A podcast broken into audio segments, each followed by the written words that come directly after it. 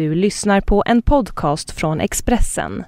Fler poddar hittar du på expressen.se podcast och på iTunes. Bar och politik i samarbete med Skandia.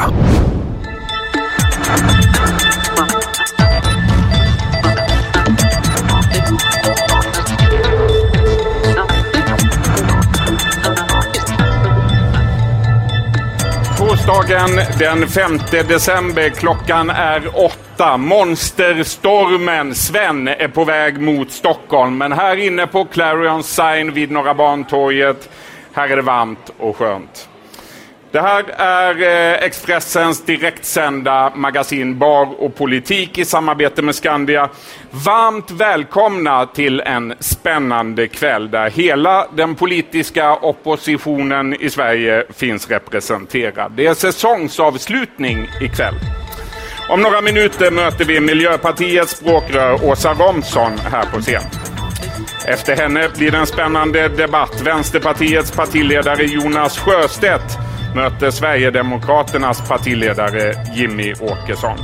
Vi träffar också skuggfinansministern, Socialdemokraternas Magdalena Andersson. Som om då inte allt detta vore nog. Vi hoppas också under kvällen få kontakt med utrikesminister Carl Bildt, just nu på plats i Ukrainas huvudstad Kiev. Precis som alltid kan ni som tittar på programmet delta under sändningen. Ni gör det via Twitter med hashtaggen barpool. Kommentera gärna det som sägs och ställ frågor till våra gäster. På skärmarna här bakom mig ser ni hur det ser ut på Twitter just nu. I mitten här orden som används med hashtaggen barpool eh, mest just nu. Här nedanför ser vi aktiviteten i hashtaggen SVPOL. Så mycket diskuteras det om de olika politiska partierna just nu. Och vi ser i realtid hela tiden här hur mycket ni twittrar. Ta chansen och kommentera det som sägs här. Min kollega Annie Reuterskiöld, hon håller löpande under kvällen koll på det som sägs eh, under den här hashtaggen. Varsågod Annie. Tack Niklas. Eh, Eh, funkar ljudet nu? Ja. Vi har eh, ett par kära återseenden i panelen. Eh, Dalademokratens chefredaktör Göran Greider och Stigbjörn Ljunggren, du är statsvetare och S-debattör. Men vi har också en premiär i panelen, eh, den moderata riksdagsledamoten Maria Abrahamsson. Varmt välkomna hit allihopa. Tack så mycket. Tack så mycket. Maria, du är en av de riksdagsledamöterna som eh, twittrar och eh, du twittrade om eh, kvällens sändning. Premiär för mig i Bar och politik, tung politisk slagsida i panel och gästuppsättningen. Tur att man är van. Yes. Hur känns det att sitta med två sossar i panelen? Jag funderade just hur ni tänkte när ni satte ihop panelen och vad ni tycker att den politiska mittfåran går för någonstans. Ja. Det går mellan oss. Eller hur? Den hamnar nog där någonstans. Ja, ja, ja, ja då vet jag. Tack. Men du fick svar där direkt. Mm. Lars Sjöström skrev till dig att eh, ja, det skulle vara jämnare om inte chefen Fredrik Reinfeldt tackade nej till Barpool ikväll. Mm. Ja, vi borde kanske ha samordnat oss, men det gjorde vi inte. Nej. nej. Mm. Göran, du och eh, Stigbjörn, ni äh, rök ihop lite en aning här senast. Känner du dig debattlysten ikväll? Nej, ja då, som alltid. Jag, jag, kan faktiskt inte minnas vad vi rök ihop om, men något var det. Ja, vad var det? Berätta. Ja, men det är väl att, att vi, är, vi har lite olika åsikter, men jag tror inte att, att... Men det är så i socialdemokratin, det är som en en stor, vad ska vi likna det en stor djungel, alla möjliga djur där. Va? Vi får försöka att samsas. Alla medlemmar är inte artbestämda heller, så att vi, nej, vi vet liksom inte vad de tillhör för nej. någonting egentligen. Det är, det är väldigt komplicerat. Stigbjörn, det har varit en hektisk eh, inrikespolitisk vecka. Bland annat eh, katastrofala skolresultat från PISA och eh, skattebråk i riksdagen. Vem skulle du säga klarat sig bäst ur den här veckan? Ja, alltså de som klarar sig bäst tror jag det är väl Sverigedemokraterna för det är ju de alla pratar om på olika håll och kanter. Ja, är det så? Ska vi inte prata om Sverigedemokraterna eller vad, vad säger du? Jo, det, om folk pratar om dem så det är, man kan liksom inte säga att det får ni inte prata om utan det, det är kanske naturligt att de är, de är det parti som folk är intresserade av. Och vi har eh, partiledaren här ikväll för debatt med Jonas Sjöstedt. Eh, över till dig Niklas. Tackar ni. Som Annie sa, det har varit en extremt intensiv och händelserik vecka i svensk politik. I tisdags kom PISA-rapporten som visar att det är kris i den svenska skolan. Igår kom Statistiska centralbyrån med sin eh, stora partisympatiundersökning som visar att Sverigedemokraterna är eh, tredje största parti och Socialdemokraterna och Miljöpartiet är tillsammans lika stora som hela alliansen. Samtidigt eh, eh, har vi idag upplevt ett stort bråk i riksdagen. Det handlar om ett skattebråk. För bara några timmar sedan stoppade talmannen Per Westerberg oppositionens försök att stoppa sänkningen av den statliga skatten. Detta ska vi nu prata mer om och vi gör det med kvällens första gäst. Jag säger välkommen in på scen till Miljöpartiets språkrör Åsa Romson. Välkommen hit. Jag dig där. Eh, Åsa Romson, hur ser du på talmannens eh, beslut nu i eftermiddag? Ja, det var ju hans beslut och det var inte helt oväntat. Eh, från det att vi såg eh, underlaget som han tänkte stödja sig på så förstod vi att det var det han han tänkte föreslå. Men eh, det är inte han som har sista ordet i riksdagen utan det är ju faktiskt eh, de folkvalda och de folkvaldas majoritet som har. Och eh, det är det som hela den här frågan egentligen handlar om. Dels om vilken politik har stöd i en majoritet i riksdagen och det behöver alla regeringar ha.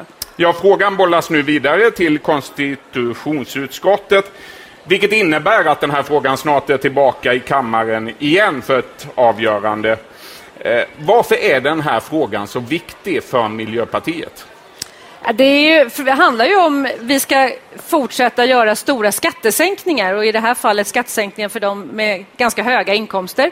I ett läge när man ser stora behov av investeringar, inte minst i skolan som har debatterats viktigt, mycket den här veckan, men som vi ser också i det hållbara samhället som ska investeringar nu skulle innebära eh, stora vinster i framtiden istället för att vi riskerar att ha en, en klimatskuld som våra barnbarn ska betala. Så att vi vill göra investeringar istället för skattesänkningar. Och då är det ganska tydligt att vi vill kunna rösta nej till ett förslag som, som höjd skiktgräns, alltså en plattare skatt i, i eh, systemet. Stora skattesänkningar säger du. Det handlar om 3 miljarder kronor i en budget på 820 miljarder. Är det verkligen rimligt att slåss på det här viset när det inte handlar om mer pengar? Alltså reformutrymmet det var på 25-26 miljarder och av dem så lägger eh, regeringen 15 miljarder på skattesänkningar. Det är de 15 miljarderna som vi går emot. Sen har vi på grund av eh, Sverigedemokraterna bara möjlighet att skarpt i riksdagen få rösta nej till de här 3 miljarderna som är eh, skattesänkningar för dem med, med inkomster över 36 000. Eh, och det tänker vi utnyttja vår, eh, vår rätt att göra. Vi känner att vi är folkvalda för att eh, prioritera klimatinvesteringar och skolor framför skattesänkningar.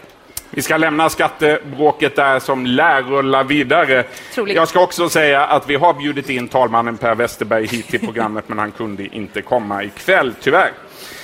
Dags då att uppmärksamma Expressens stora granskning av demokratihotet. Politiker hotas, trakasseras, utsätts för våld. Så här har det sett ut.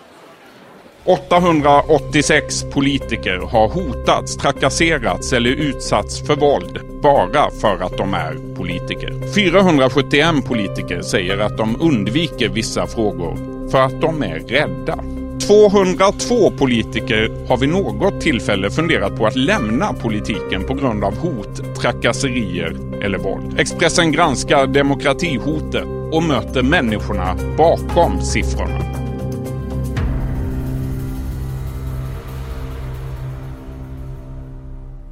Det är klart att eh, det är en fara för demokratin om vi har förtroendevalda, eller potentiella förtroendevalda, som väljer bort ett politiskt engagemang av rädsla. Det, det vore en väldigt allvarlig utveckling om många upplevde det på det sättet. Det är ett hot mot demokratin i förlängningen om de folkets förtroendevalda inte vågar engagera sig i, i de frågor som de, de är satta att engagera sig. Det är naturligtvis väldigt allvarligt. Det är klart att varje typ av, av eh, hinder eller svårighet för människor att engagera sig är allvarligt. Det handlar om att de kunde ringa på tidiga lördagnätter, tidiga lördagmorgnar, natten till söndagen och sådana saker. Om och om, om igen tills jag var tvungen att dra ut telefonjacket. Den ena texten fick jag tillsammans med ett tidningsurklipp med en bild på mig där ansiktet var utrivet. Och han talade om för mig att eh, jag skulle sluta upp med det jag höll på med, jag skulle inte jobba med frågorna och jag skulle, jag skulle passa mig. Och det de säger är att eh, eh, du är din borgarjävel, du ska veta att du ska dö. Mitt kommunalråd som hade ansvar för de här frågorna blev faktiskt eh, dödshotad. Vi är noga med att alla som utsätts för, för hot och trakasserier, att vi ska göra professionella bedömningar. Och debatten ska få vara tuff, men det finns en gräns man inte får överstiga när det handlar om hot om våld. Det blir en större avstånd till andra människor. Man blir en ensammare människa därför att det är ett väldigt tryck på dig som person när du, när du sitter i en sån här situation. Man vet ju inte vem det är. Man vet inte om de står där nästa dag eller en timme senare. Det är oerhört allvarligt att våra förtroendevalda politiker utsätts för, för våld, hot och trakasserier för att de gör, gör sitt jobb. Eh, demokrati är inte bara en teori, den måste också praktiseras. Den måste bäras av människor som eh, visar engagemang. Ja, så där har det sett ut eh, i Expressens granskning Demokratihotet. Ni hittar hela granskningen på Expressen.se demokratihotet. Åsa Romson, 886 politiker vittnar om att de hotats, trakasserats, utsatts för våld. 471, nästan 500, säger att de undviker medvetet vissa politiska frågor för att de är rädda. Hur reagerar du? Jag tycker det är fruktansvärt, precis som många också vittnar här om. Vi kan inte ha vi kan inte ha rädda politiker. Alltså då får vi ett samhälle som, som inte klarar av att leverera det som, det som är vårt viktigaste, att fatta vettiga beslut tillsammans utifrån en, en det kan ju vara en debatt där vi har olika åsikter, det är ju det som är meningen. Då måste man vara modig och inte rädd i en sån situation. Men det, det man behöver få in är ju den här tydliga rågången mellan när man diskuterar sak och åsikter och man, om man går på person. Eh, vi behöver alla vara rädda om varandra i, i samhället idag. Eh, många som känner sig rädda även som inte har politiska uppdrag. Eh, och jag tror att det är viktigt att, att man, in, man insuper en sån, en sån atmosfär istället. Det är naturligtvis svårt, det är någonting inte bara polisen kan jobba med utan det är någonting vi alla måste jobba med. Vad har du själv för egna erfarenheter av hot, trakasserier och våld? Nej, jag har bara erfarenheter av att folk har, tycker att jag har dåliga åsikter möjligen, men aldrig, aldrig aldrig varit i någon eh, situation där jag känt mig rädd eller hotad, eh, eh, vare sig privat eller som politiker.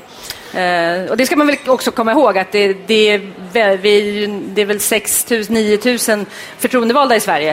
Eh, så det är klart att, att eh, vi ska inte heller förstora bilden att det här gäller alla. Och, och, och, och skrämma bort folk från att våga ta förtroendeuppdrag.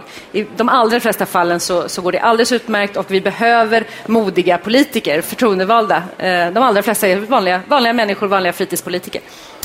Åsa Romson, nyligen släpptes en låt där artisten Timbuktu sjunger om att dunka Sverigedemokraternas partiledare Jimmie Åkesson gul och blå. Fram till nyligen ingick den här artisten i Miljöpartiets arbetsgrupp mot rasism. Vad säger du om texten i den låten? Det är ju en text som inte jag står bakom alls när det gäller, när det gäller sitt innehåll och sin politik. Den, den, den går precis över den här gränsen mellan att tala om vad som är fel åsikter och varför de är fel och går på, eh, på handgripligheter i person. Och det, det kan vi inte ha i det politiska samtalet. Samtidigt, det är inte riktigt min roll att stå och recensera ett, ett, en, en låt. Men säga. kan man vara aktiv Personen. i Miljöpartiet och föra fram det budskapet? Eh, det budskapet är ju inte ett miljöpartistiskt budskap, det är det inte. Eh, så, så är Men eh, de, de, de åsikter han har framfört i den arbetsgrupp som de har jobbat med har ju varit väldigt bra och vettiga åsikter kring hur vi jobbar mot rasismen och just jobbar mot det här eh, att slippa ett vi och dom-tänkande och ska se runt och ska se människor. Så det känner jag mig väldigt trygg med. Åsa, när drömde du senast att du var minister? Ja, det, har, nej, det tillhör inte mina, mina drömmar på nätterna. Jag, jag sover godare än så. Jag tänkte säga du drömmer bara mardrömmar, men nej. Nej, nej jag drömmer mycket mer handgripliga saker. Vi, Eller? vi hörde för några dagar sedan att eh, Gustav Fridolin i en intervju med Expressen sa att han eh, gärna blir utbildningsminister eh, i en eh, ny regering. Vilken ministerpost vill du ha? Nej, vi har inga, inga sådana diskussioner faktiskt, det eller ej, på, på Gustav. Utan det vi diskuterar nu det är hur vi formar en, en valrörelse och samtal i den valrörelsen som handlar just om de frågorna. Hur vi stärker Sverige för, för klimathotet, hur vi, hur vi rustar så att inte våra barn ska ta hand om den miljöskulden, hur vi avgiftar samhället, hur vi tar itu med skolan till exempel och hur vi får en valrörelse där människor faktiskt känner sig engagerade och vill vara med och driva eh, frågor så att vi får ett mandat för en förändring i Sverige. Det, det är vår huvudverk och det är våra diskussioner. Men hur viktigt är det att Miljöpartiet tar plats i en regering? Det är ju helt eh, väsentligt om man ska kunna genomföra sin politik, att man sitter vid det exekutiva rodret som regeringen är. Miljöpartiet har ju lång, numera ganska lång erfarenhet av att göra uppgörelser på enstaka frågor eller att göra en, ett samarbete under en mandatperiod kring budget som vi haft med Socialdemokraterna för, för ganska länge sedan. Och utvärderingen av de typerna av arbeten säger att ska vi få genomslag för vår politik och göra den bra, alltså in, risken är annars att man liksom blir ja, man blir nedkletad med en fråga som inte genomfördes så bra, men man hade egentligen ingen chans att påverka själva genomförandet, för då måste man sitta i regering. Därför vill vi sitta i regering, inte för, att, eh, inte för visitkorten, utan för att genomföra politik. Och är drömsituationen en regering som består av Socialdemokraterna och Miljöpartiet?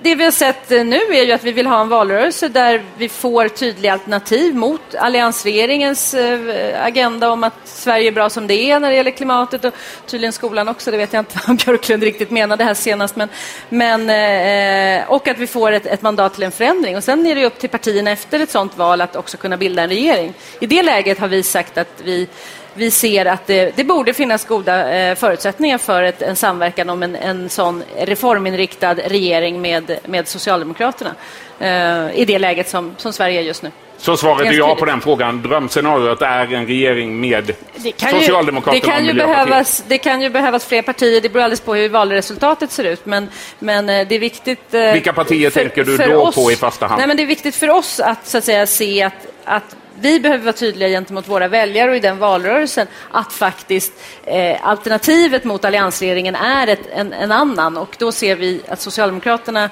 är en, ett sådant parti som vi kan behöva samverka med och som vi hoppas att man kan samverka med för en, en, en grön reformagenda. Du, jag hittade... Men hur det ser ut, det vet man först efter valet. Jag hittade ett gammalt uttalande från din företrädare Maria Wetterstrand. Hon uttryckte sig så här i en paneldebatt i Göteborg 2010.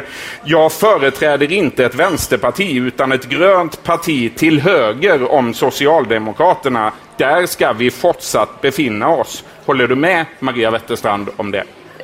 Ja, jag håller med så tillvida att vi inte företräder ett vänsterparti. Och, eh, och, att ni ska vara höger om Socialdemokraterna? Nej, jag skulle nog... Alltså, vi gillar ju inte den här höger-vänster-falangen, eh, eller vad man säger, den, den variabeln. Men, men ska man absolut ha den... Det vi säger tydligt inför det här valet är att nu, nu ser vi eh, goda förutsättningar att, att samverka med Socialdemokraterna för att få en annan regering, få bort regeringen Reinfeldt och alliansprojektet. Åsa Romson, i dagens... Det är höger eller vänster får nog nästan väljarna avgöra, eller statsvetare som gillar att diskutera höger-vänster-skala. Jag, jag tillhör de som, som har svårt. Jag vet att vissa frågor är väldigt mycket höger-vänster i svensk politik, men de frågor jag har jobbat väldigt mycket med, miljöfrågorna, infrastrukturfrågorna, där hittar inte jag den skalan och därför så känner jag mig lite o, eh, obekväm där. I Dagens Industri idag säger riksdagsledamoten Maria Färm hon är miljöpartist, att ni aldrig kommer att bilda en regering som gör det svårare för människor att komma till Sverige. Och då undrar jag, hur ser du då på att Socialdemokraterna eh, lämnat besked om att de fackliga parterna ska ha rätt att begränsa arbetskraftsinvandringen? Nej, alltså jag, jag delar ju åsikten med Maria om att eh, Miljöpartiet är ett parti som, som välkomnar människor till Sverige. Vi tror inte att vi gör varken det svenska samhället gott eller, eller den globala utvecklingen genom att stänga gränser och, och indela folk i administrativa nationer. Så arbetskraftsinvandringen, den måste Socialdemokraterna släppa? Nej, men alltså, vi har ju varit, det är ju vi som har varit med eh, tillsammans med andra partier i riksdagen som inte varit Socialdemokraterna då, som eh, har gjort en reform 2008 där man sa att den här arbetskrafts, eh, arbetsmarknaden arbetsmarknadsprövningen som då låg på, på facket, eh, det var inte en lämplig, ett, ett lämplig hantering, utan vi, vi frikopplade den från facket och sa att det är Migrationsverket som utfärdar arbetskraftstillstånd. Eh, vi måste ha en möjlighet till, till arbetskraftsinvandring. Det är bra för arbetsgivare, det är bra för arbetsmarknaden, men man måste ha det under kontrollerade former och vi väldigt medvetna om att man måste se upp och stärka migrantarbetarnas ställning. I det arbetet vill, ser jag att många av fackförbunden har väldigt mycket bra, eh, kommer med bra inspel och bra, bra åsikter. Om, om, om man från Socialdemokraternas sida menar att man behöver stärka de här migrantarbetarnas ställning, då, då tycker jag att vi har en bra diskussion. Om de menar något annat så får vi ta den diskussionen den dagen det lider. Det man sa var ju att man skulle ge de fackliga parterna rätt att begränsa arbetskraftsinvandringen inom yrkesgrupper där arbetslösheten är hög. Mm. Är det att välkomna människor Nej. till Sverige? Nej, alltså det låter ju som att, som att man önskar sig tillbaka till ett läge före 2008 och det kan jag säga att vår bedömning är att den reformen har varit viktig och bra både för möjligheten för människor att komma till Sverige men också för svensk arbetsmarknad, svenska arbetsgivare och svenska företag. Men vi ska hålla hårt på att ha bra arbetsmiljöregler och fackliga regler i, för den svenska arbetsmarknaden. Det är det som är viktigt. Vi ska hinna med en sak till. I Expressen igår skrev du på debattsidan att bristen på bredband är central i Alliansens klyvning av Sverige. Sverige. Du presenterade en miljardsatsning på bredband i glesbygden. Varför är detta en viktig satsning?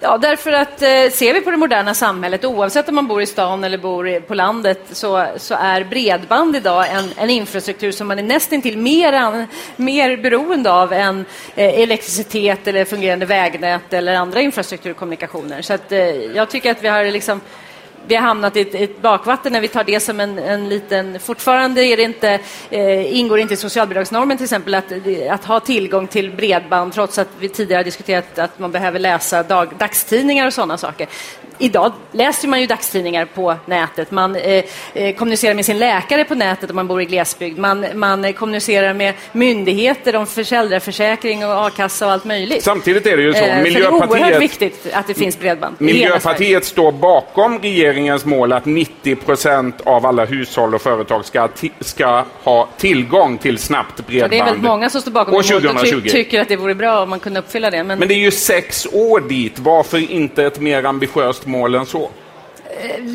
Ja, det är nog för att parterna har uppfattat det som ett, som ett tillräckligt ambitiöst mål. Vad vi behöver se till är att det verkligen finns pengar. Nu skär man pengar, man tar bort pengar från stöden för att få ut bredband i hela Sverige. Och det tycker jag är en rättvisefråga för om Sverige ska hålla ihop då, då kan vi inte... Vi vet att marknaden löser inte så att säga, bredbandsutbyggnaden ut i de minsta eh, kapillärerna på, på landsbygden. Men ska vi ha ett Hela Sverige ska leva, då är det bredbandet som måste ut. Och då måste vi satsa pengar på det. Det verkar hål i huvudet att skära på den budgetposten för att man gjorde en dålig förhandling i, i, i regeringen.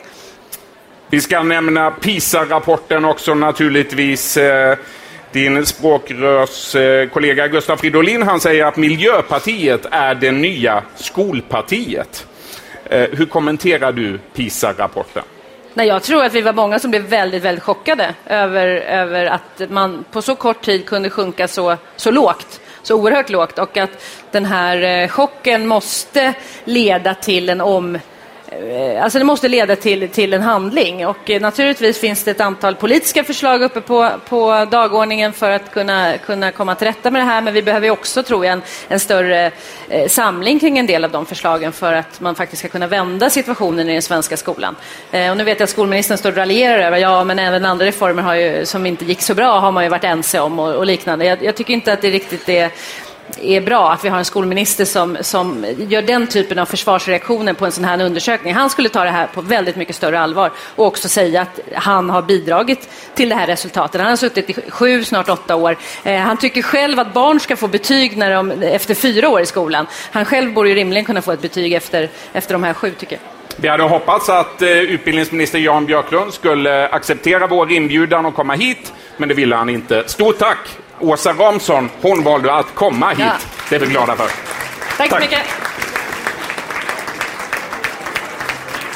Då så. Hur klarade hon sig egentligen, Miljöpartiets språkrör? Diskutera detta på Twitter med hashtaggen Barpool.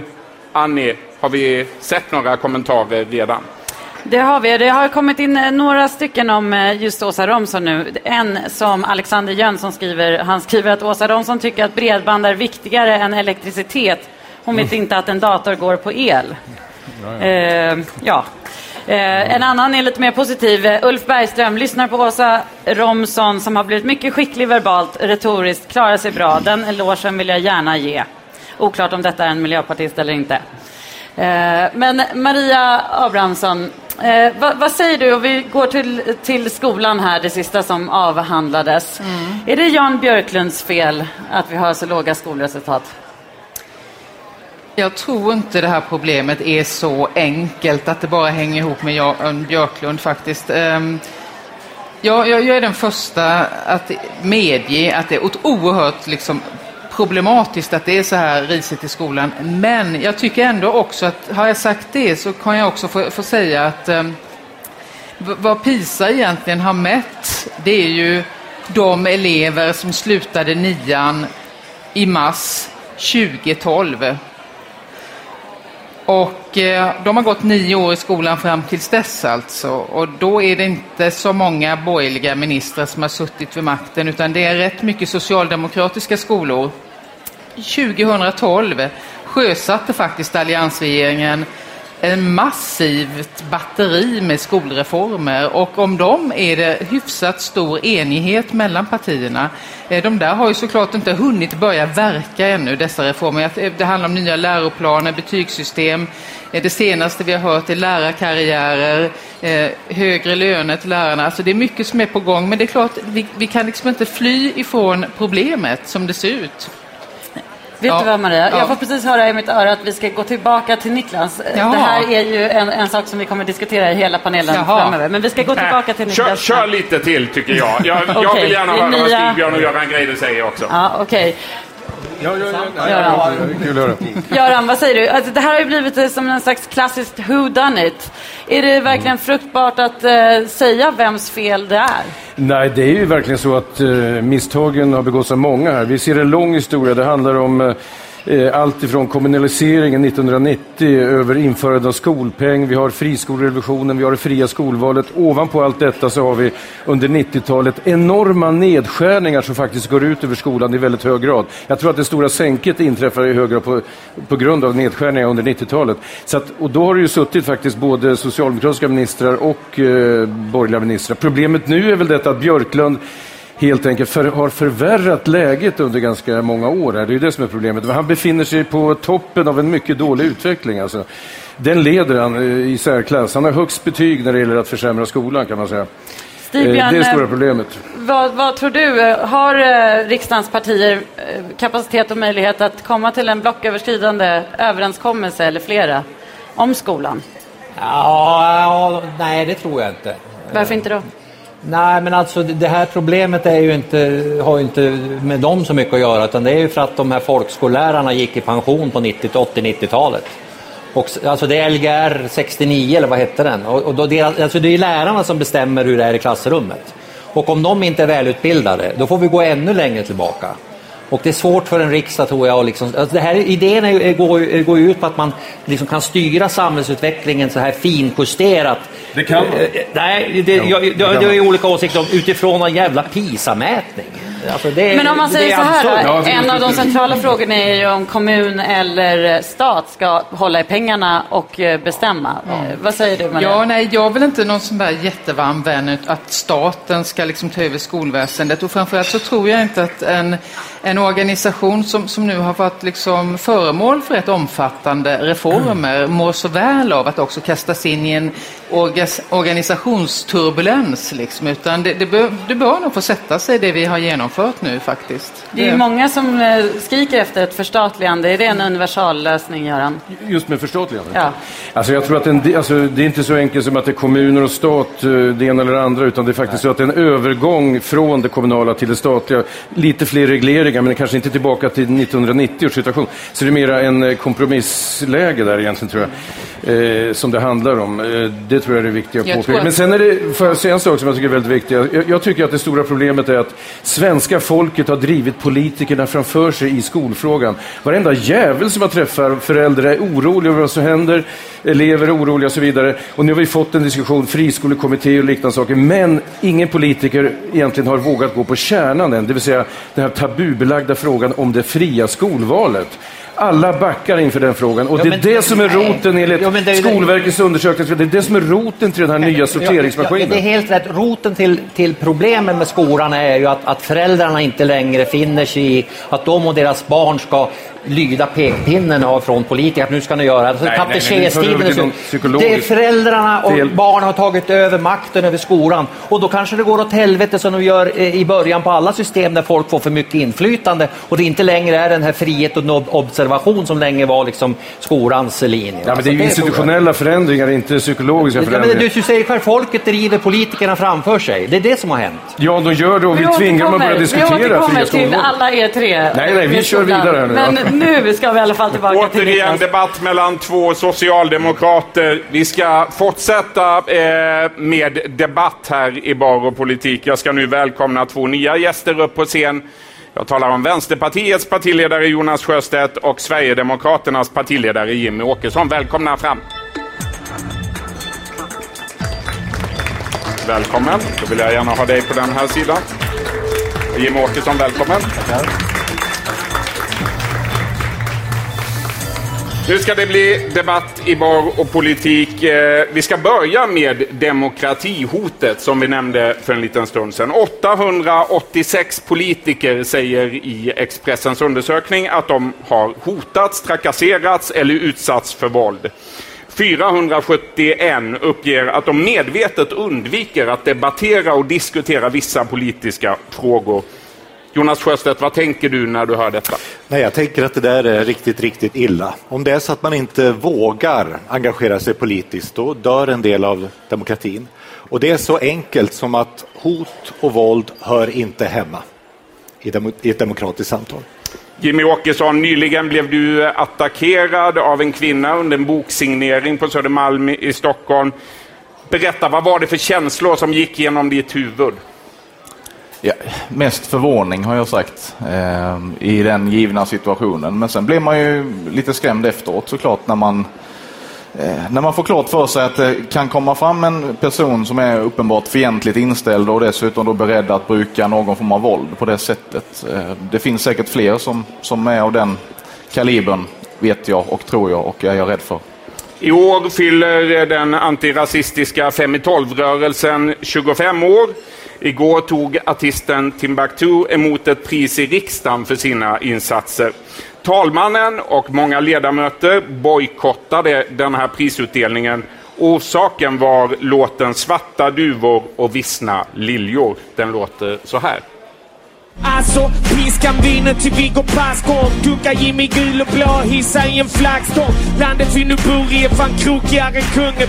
Dra till Djursholm och fråga brokigaste ungen. Från stekpanna till ugnen, inga lekplatser och gungor. Stenkantade massor och snö... Dunka Jimmy gul och blå och hissa i en flang, flaggstång, sjunger Timbuktu. Vad säger du om den textraden, Jonas Sjöstedt? Ja, man ska nog skilja på musik och politik tror jag. Alltså, jag tror inte att politiker ska gå och bestämma vad man får ha för texter i musik eller inte. Jag tänker att du och jag är ungefär jämngamla skulle jag tro. Och eh, vi lyssnade en del på Ebba Grön när vi var unga och när jag lyssnar på deras texter finns det en del där också. Då. Det innebär inte att vi tycker att det är rätt att spöa folk, det är två olika saker. Jimmy Åkesson, eh, hur tänker du kring den här låten och gårdagens prisutdelning? Jag tycker det är problematiskt att ha den här inställningen som Jonas Sjöstedt har och som även andra i, i riksdagen har. Eh, det här är ju inte någonting isolerat, den här låttexten, utan det här, den här låten gör den här artisten ihop med en annan artist som är dömd för att ha hotat mig. Han springer runt med tröjor med tryck där jag slås blodig och misshandlas på olika sätt. Han har sprungit runt med vapen på allmän plats och är dömd för det. Han är dömd för drogrelaterad brottslighet och liknande. Och man, man måste se det här i det sammanhanget och då blir det här inte bara konst. Man kan inte gömma sig bakom någon slags konstnärlig frihet här utan detta är en politisk text och den ska naturligtvis värderas i ett politiskt sammanhang. Kan inte jämföras med Ebba Grön, menar Jimmy Åkesson. Alltså, du vet vad jag tycker... Du känner till sammanhanget? Nej, jag känner inte till detaljer ska jag säga. Nej. Men alltså, du vet vad jag tycker om politiskt våld, Jimmy. Jag Nej, jag- avskyr jag- det. jag- Jag avskyr politiskt du säger, våld. Du säger det, men Nej, jag, jag gör det. också Och du vet, att, du vet att jag gör det. Men alltså, en, en sak är att det är en självklarhet. En annan sak är om vi som politiker skulle börja säga att ni får skriva den texten, men inte den texten. Man kan ha åsikter om texten, om de är bra eller dåliga, och det kan vi alla ha. Men alltså, att gå in och säga att man ska censurera kultur, det Det är faktiskt en annan sak. Ja, fast nu pratar ju du om någonting helt annat här Jonas. Du tar ju upp den här aspekten för att slippa ta skarpt avstånd från det som faktiskt eh, sägs i den här texten. För att slippa ta avstånd från det här sammanhanget. Och det är det som skrämmer mig lite grann. Precis som det skrämmer mig att din partikamrat var på den här Eh, Rosanna Dinamarca var på den här eh, eh, prisutdelningen igår och, och även andra ledande politiker, Gust Gustav Fridolin till exempel. Det skrämmer mig att man inte tar det här på större allvar. Därför att det här säger någonting om klimatet i vårt land. Det här påverkar det politiska klimatet, det påverkar det politiska samtalet väldigt starkt och på ett väldigt negativt sätt som du och jag har ett ansvar för att ta avstånd ifrån. Vi ska stanna kvar i riksdagen, eh, men det ska nu handla om skattebråket där. För bara några timmar sedan kom alltså beskedet om att talmannen Per Westerberg på inrådan av riksdagens jurister stoppar oppositionens försök att fälla regeringens förslag. Vad säger du om det? Ja, det var ganska väntat egentligen. Talmannen fick ju ett val och han valde som den moderat han är att, att gå liksom med, den, med den borgerliga regeringen i det här fallet.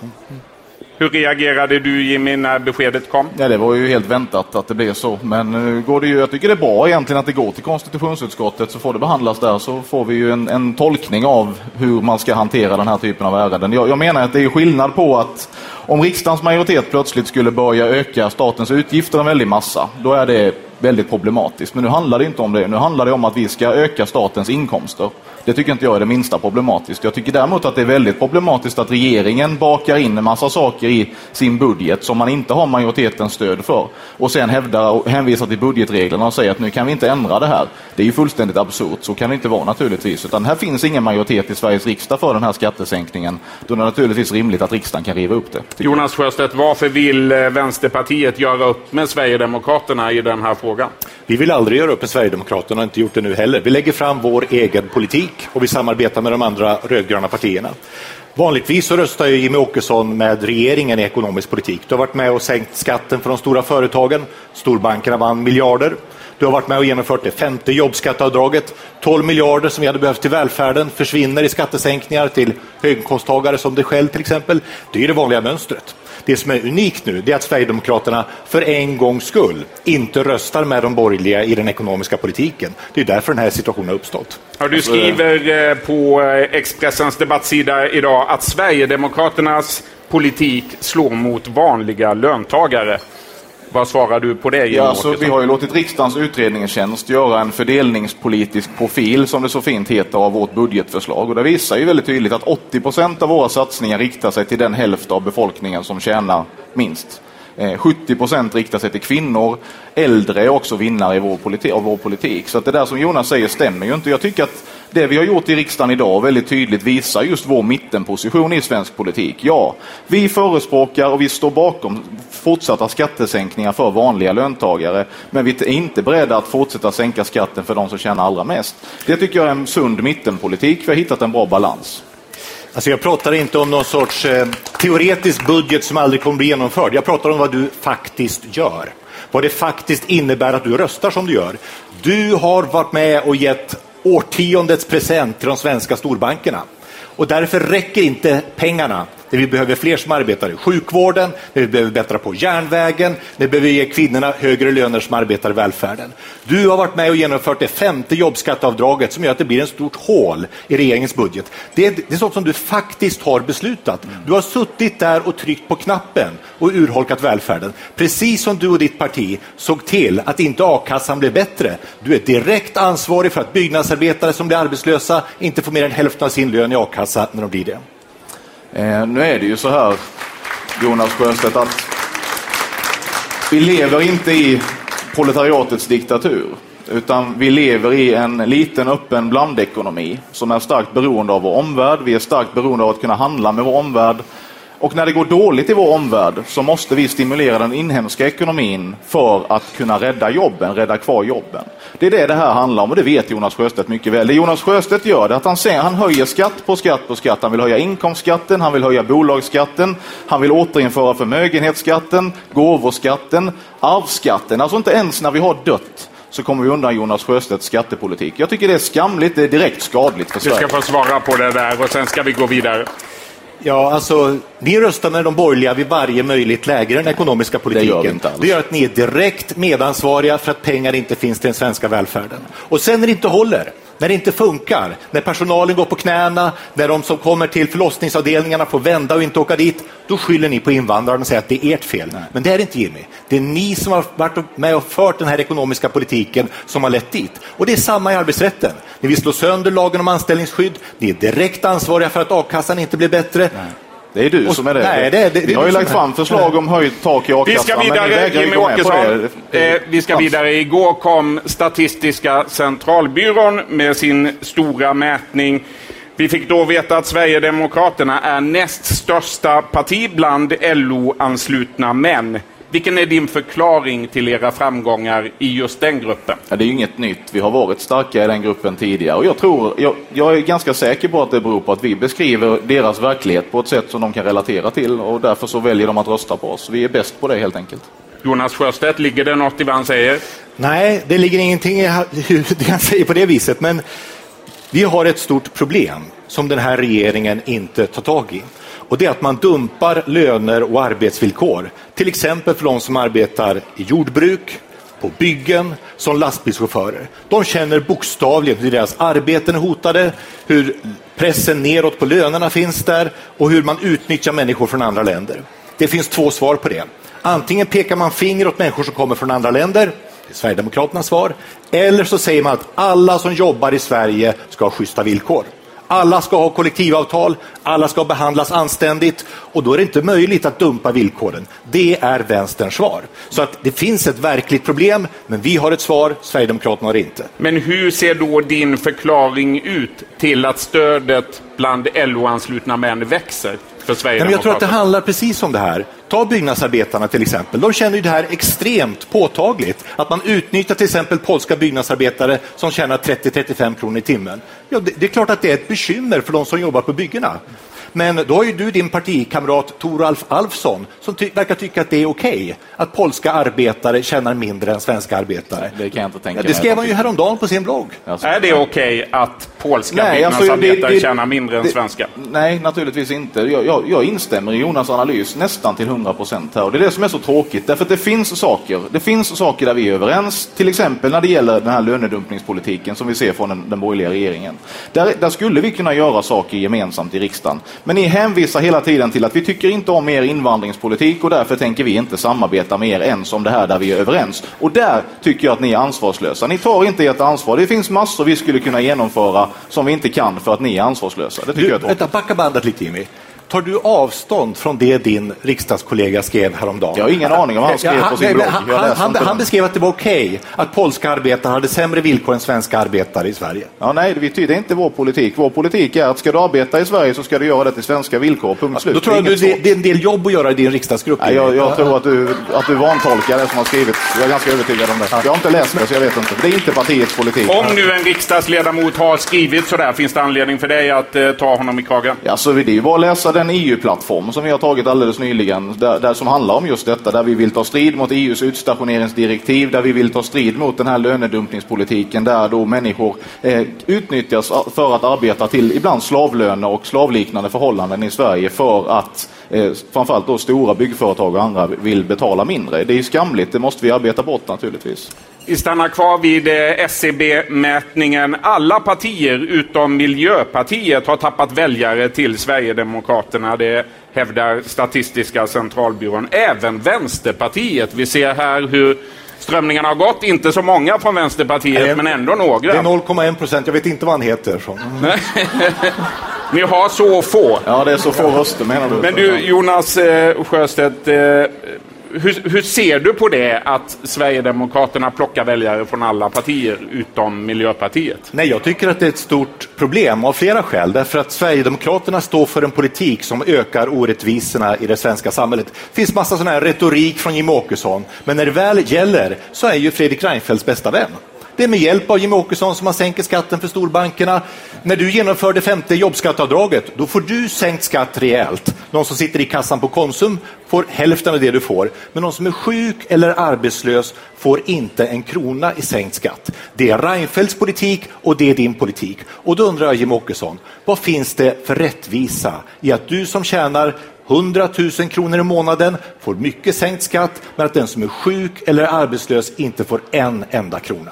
Jag tycker, och jag var inne på det alldeles nyss, det finns saker där vi är överens. Jag tycker till exempel att du och jag och Stefan Löfven och någon till skulle kunna sitta ner och diskutera vad vi kan göra för att förbättra a-kassan till exempel. Därför att vi är alla för ett höjt tak i a-kassan, vi är för förbättrade villkor i a-kassan. Men du vill inte göra det därför att du, du vill inte samarbeta med mig. Du befinner dig fortfarande i sandlådan. Då är det ditt ansvar att den här politiken inte kan Men du vet Jimmy, vi röstar ju om det här i riksdagen. Vi röstade om det här 2010. Då kunde du genom att trycka på rätt knapp se till att taket höjdes i a-kassan, att byggjobbaren får mer än 50 procent. Men du gjorde inte det. Därför så du är faktiskt direkt ansvarig Nej. för att a-kassan inte fungerar för stora grupper. Och du röstade inte på vårt förslag heller. Det är, det det är det som är problemet här. Hade vi satt oss ner och gjort ett gemensamt förslag istället som vi alla kunde stå bakom, då hade vi kunnat göra verklig skillnad. Men ni vägrar ju göra det. Nej, det är du som smiter Nej, Jonas, det är inte jag. Det är du som smiter Nej, iväg. Du hade valet där. du kunde du se också. till att byggjobbarna i Sverige hade en riktig a-kassa när de blev arbetslösa och du valde att inte göra det. Problemet- det, det håller inte nu att säga att du försvarar dess intressen. Problemet är Jonas Sjöstedt, det är ju att ni jo- gjorde så som ni har gjort så många gånger förr. Att ni bakar ihop alla era förslag i ett enda paket och sen så tycker ni att vi ska rösta på det trots att ni vet att vi inte kan stödja allt i det paketet. Varför inte då istället sätta sig ner och göra ett gemensamt paket kring de här viktiga reformerna? Är du så stolt? Är du så stolt så att du inte kan göra det? Då är det faktiskt du som inte tar ansvar för byggjobbarna som du kallar det. Nej, vet du vad Jimmy? Om man tittar på hur ni faktiskt röstar Ja, i riksdagen. ofta om det. Ja, så röstar ni alltid med den borgerliga regeringen.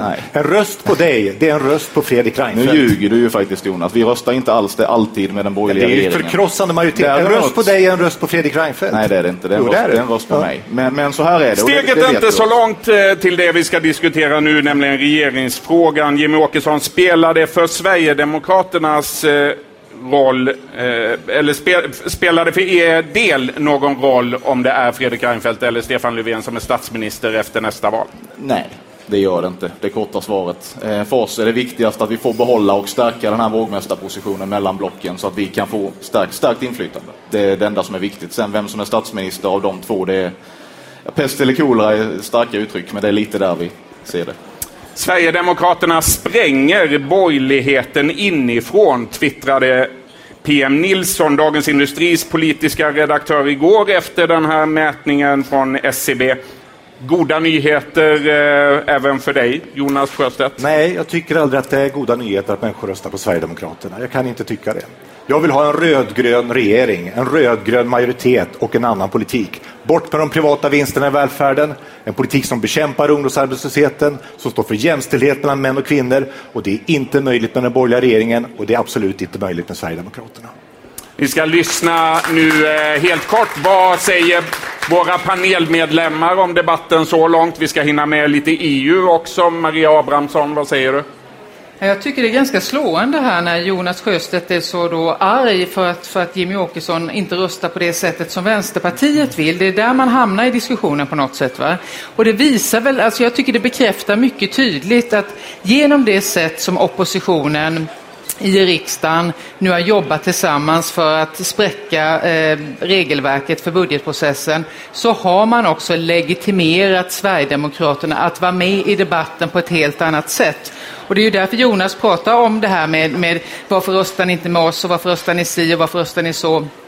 Förut fanns det liksom inte ens utrymme för den typen av samtal. Men jag vet inte Jonas om jag ska tacka dig eller inte. Jag tycker det är rätt beklagligt. Men ni har, ni har legitimerat Sverigedemokraterna. Jag hoppas du någonstans kanske trivs eller inte. Det får du förklara. Gör, Göran Greider, eh, vad säger du om debatten så långt? Nej, jag tycker nog att eh, Sjöstedt har rätt taktik där, rätt strategi, nämligen att pressa Åkesson där på de här frågorna som rör ekonomisk eh, orättvisa. Alltså det, det, för det är detta som jag tror faktiskt är strategin som är den viktiga.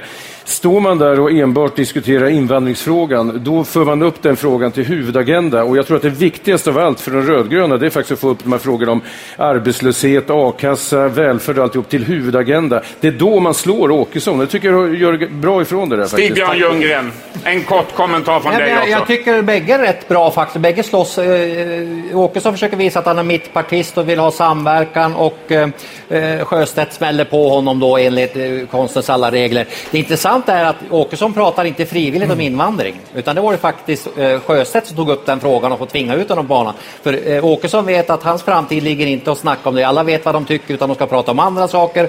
Och Sjöstedt tar upp det här med byggjobbarna och sånt och blir då så att säga, den som och dessutom får applåder av sina, sina anhängare när han tar upp problemen med invandringen. Det, är, det är rätt intressant. tycker jag. Ni ska få komma tillbaka igen sen, panelen. Tack för det. Jonas Sjöstedt, en eh, snabb eh, Jag håller med Göran. replik. Ja, du, du håller med Göran Greider, vad säger Jimmy? Alltså när det gäller det här med att legitimera oss så vill jag ändå påstå att det gjorde väljarna för lite drygt tre år sedan när de röstade in oss i riksdagen. Vi ska nu tala om eh, nästa val. Jag talar då om valet i maj, valet till Europaparlamentet. Sverigedemokraterna vill att vi lämnar EU, det vill Vänsterpartiet också. Men vilket parti är egentligen mest kritiskt till EU och varför? Jonas Sjöstedt. Ja, alltså jag jobbar ju som EU-motståndare mot att Sverige skulle gå med i den Europeiska unionen på den tiden när Jimmie Åkesson gick i högstadiet gick på skoldanser. Så jag har ju lite mer liksom, eh, erfarenhet från den sidan. Jag ser det så här att det finns en stor berättigad vrede och kritik mot hur den Europeiska unionen fungerar. Hur man driver människor i arbetslöshet, hur man centraliserar makten och vi har stått för den EU-kritiken och vi tänker stå för den EU-kritiken. Men den är demokratisk och den är internationalistisk. Och nu är extremhögern, nu är de främlingsfientliga partierna över hela Europa ute och fiskar i den där liksom dammen. Jimmy Jimmie Åkesson är ju en av dem. Men för mig är alternativet till EU det är aldrig nationell självtillräcklighet, utan det är ett demokratiskt internationellt samarbete. Vad säger du Jimmy Åkesson, vilka är mest kritiska? Ni eller vänsterpartisterna? Alltså kritiska är ju ett, ett begrepp som betyder just det och Jonas är säkert kritisk till EU, det är jag också, men då handlar det om att man är kritisk till politiken i EU. Jag tycker att Jonas svävar lite på målet här. Men Alltså, jag, jag, nej, nu vill jag Ja. prata. Jag är inte bara kritisk, jag är direkt negativ. Jag är motståndare till det överstatliga federationsbygge som just nu pågår och som hela tiden utvecklas i den riktningen där vi flyttar mer och mer makt ifrån till exempel den svenska riksdagen till Bryssel. Den utvecklingen kan jag inte acceptera och det, det kallar Jonas Sjöstedt för nationell självtillräcklighet. För mig är det inte det. För mig så handlar det om att alla folk i Europa har rätt att vara herrar i eget hus och det ska vi fortsätta vara. Sen så måste vi kunna samarbeta när det gäller eh, internationellt organiserad brottslighet. Vi måste kunna samarbeta när det gäller globala miljöproblem och inte minst så måste vi givetvis ha eh, handelsutbyte genom frihandelsavtal med övriga EU-länder. Så är det. Men vi behöver inte en gemensam utrikespolitik. Vi behöver inte en EU-armé. Vi behöver inte ett parlament. Vi behöver inte en gemensam nationalsång eller en president som ingen vet vad han heter. Hur mycket vi av det behöver där kan du skriva under på? Nej, alltså, det fattas en sak, Jimmy.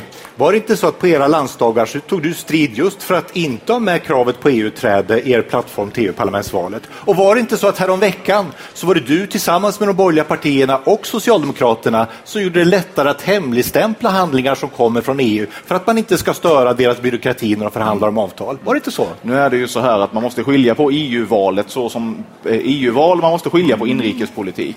I den nationella politiken i Sverige, då råder det ingen som helst tvekan om att Sverige ska inte vara medlemmar i en överstat överstatlig politisk union. Däremot, den, den frågan beslutas ju inte i Europaparlamentet, det vet ju du, du har ju själv suttit där i flera år. Du vet ju att man inte diskuterar den frågan där, där diskuterar man sakpolitik som rör EU. Och där måste man ju naturligtvis också vara med. Fast vet- du Jimmy Åkesson, ni säger i er eh, nya EU-valplattform att Sverige ska lämna EU om en folkomröstning stöder det och en omförhandling misslyckas. Så står det i kompromissen som antogs. Varför är ni inte tydligare med vad ni verkligen vill, nämligen lämna? Jag tycker att det är väldigt tydligt. Men som jag sa, vi måste ha ett samarbete. Vi ska ha frihandelsutbyte, vi ska samarbeta när det gäller organiserad brottslighet, vi kan samarbeta kring gränsövervakning och liknande i Europa. Men vi behöver inte ha all den här överstatliga politiken. Och kan man uppnå det, som vi vill ha genom en omförhandling, då spelar det inte mig någon större roll om det heter EU eller EG eller någonting annat. Det har ingen betydelse. Det är inte det. Det, det vi vill göra det är att återföra makt till svenska folkvalda i Sverige. Och det, det, det är utgångspunkten. Alltså, jag har ju suttit i EU-nämnden och jag har sett hur ni agerar och röstar där. Ibland röstar ju ni för mer makt till EU. Till exempel om det gäller att befästa den fästning Europa som finns, ha gränsstyrkor som är gemensamma för att hålla ute flyktingar på väg till EU. Det är precis den politiken som gör att människor drunknar i Medelhavet nästan varje dag. Då duger det för Jimmie Åkesson att ge mer makt till den Europeiska unionen. När man ska ha den här politiken som gynnar flyktingsmugglarna, som skapar mänskliga tragedier varenda dag runt Europas gränser. Inte speciellt principiellt, Jimmie Åkesson. Jag tycker samtidigt att det är anmärkningsvärt då att ett parti som säger sig vara motståndare till Europeiska unionen faktiskt har varit med och röstat in EU-medlemskapet i Sveriges grundlag. Det tycker jag är anmärkningsvärt. Men vet du vad Jimmy? Det bevisar bara att du inte ens förstår hur EU fungerar om du, som, om du tror att det, det avgör hur mycket makt EU har över Sverige. Eh, nej, det avgör vad som står i den svenska grundlagen ja. och där står det nu att vi är medlemmar i Europeiska unionen. Det tycker jag är anmärkningsvärt. Ja, det, Jonas det Sjöstedt var tidigare inne på det här att många befarar att främlingsfientliga partier i hela Europa nu ser eh, valet i maj som sin historiska chans att komma in i politikens finrum. Vad skulle det innebära för Europa om partier på den yttersta högerkanten skulle samla sig 20-30 procent av stolarna i EU-parlamentet? Vilka partier är det? Bara först så man vet vad vi pratar om. Vilka partier talar vi om när vi talar om de mest extrema? Alltså jag har ju suttit där i elva år. Jag har till exempel hört eh, Nationella fronten i, i Frankrike, ett av de stora partierna. Jag har hört deras partiledare Jean-Marie Le Pen. Han är inte partiledare. Nej, han var det tidigare. Ja. Nu är hans dotter partiledare. Det är alldeles riktigt. Han har sagt att gaskamrarna är en detalj i historien. Det är sådana vi pratar om. Ja, det är ett exempel. Jag, jag håller naturligtvis med. Vad säger du om det exemplet? Ja, jag tycker det är ett jättehemskt exempel naturligtvis. Men samtidigt så står Jonas Sjöstedt här och, och hans parti samarbetar med kommunistpartier i, i Europa, Europaparlamentet. Så jag menar det, det är svårt och det vet Jonas också. Det är väldigt svårt att i så i så vitt skilda länder som vi ändå är i Europa med vitt skilda politiska kulturer att hitta samarbetspartier som man helt och hållet kan stå bakom. Det intressanta är ju vilken samarbetsdeklaration man går med på. Det är därför jag menar att det, det är inte rimligt att lasta Jonas Sjöstedt för att han samarbetar med massa kommunistpartier där nere. För jag tror inte att man samarbetar om kommunism utan man samarbetar om sånt där man faktiskt är överens. Och någonstans så vet Jonas Sjöstedt också, är jag helt övertygad om, att vi har inte så mycket val. För att få talartid i parlamentet, för att få resurser i form av personal och liknande så måste man samarbeta med andra partier. Men, jag vill ha det sagt också, vi tänker inte samarbeta med något parti som är extremt på något sätt. Det är vi väldigt noga med och därför sonderar vi just nu terrängen för att veta så mycket som möjligt om de andra partierna. Men eh, häromveckan drack du kaffe med partiledaren för det parti som jag just citerade. Det var ju så, de var här i Stockholm. Ja, fast inte den partiledaren. Nej, men det var, ja. Ja, utan en annan. Det är ju så att vi, vi har en ohygglig kris ute i Europa. Människor far väldigt, väldigt illa i massarbetslöshet, i fattigdom, därför att EU räddar alltid bankerna, räddar aldrig vanligt folk. Euron, den gemensamma valutan, är en social katastrof, det är en politisk katastrof.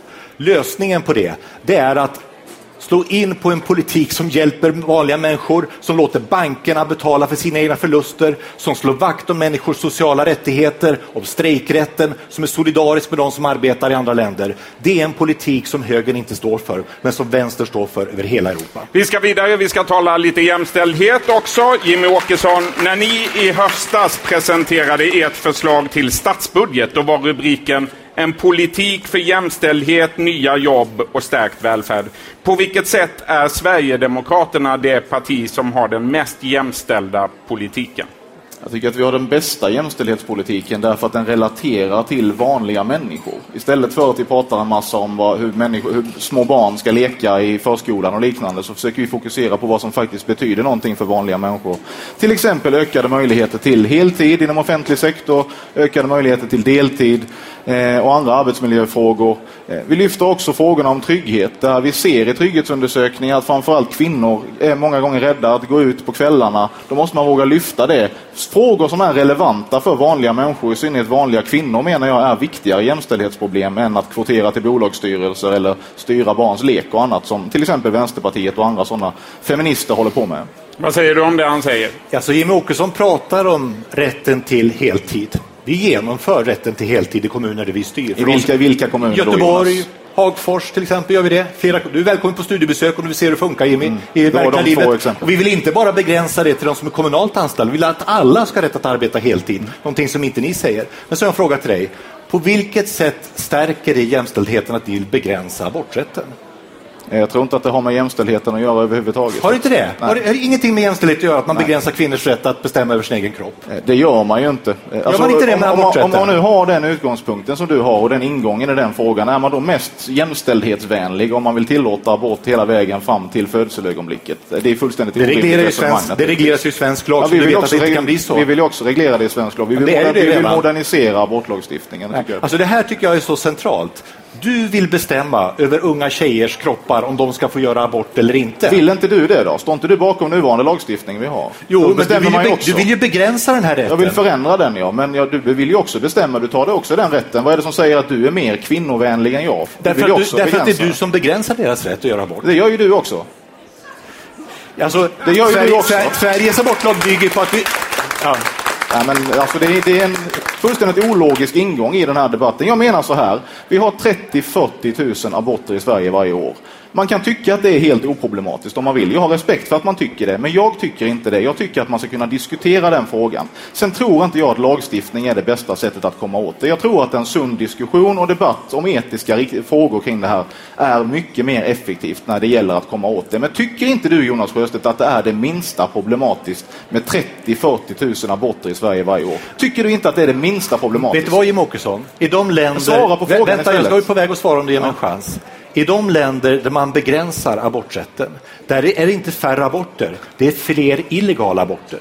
Men det är vi fler som tar vi- hälsorisker. vi och du lägger den också. hälsorisken på kvinnorna. Nej. Jag menar att de har rätt till legala, säkra aborter. Ja, det är skillnad mellan mig och dig. Det här är en typ av värderingar som ni är helt ensamma om. Att begränsa kvinnors rätt att bestämma över sina egna kroppar. Ni vill driva jämställdheten bakåt på det sättet. Vi var ju nyss Och- överens om att du också begränsar den nuvarande lagstiftningen. Ja, men- men du svarar inte på min fråga. Tycker du inte att det är det minsta problematiskt? Det är klart det är, 30-40? Ja. men er politik kommer ju inte begränsa antalet aborter på det sättet. Det gör man genom att ha sexualupplysning, man gör det genom att, att, liksom att man har tillgång till preventivmedel och annat. Men den här synen finns ju i massa länder där man har begränsat aborträtten. Och effekterna för kvinnors hälsa är ju förödande när man gör det. Men nu, nu, det du... En sista. Eh, vi, vi har en fråga till här. Eh, vi ska tillbaka till Statistiska centralbyråns siffror igår.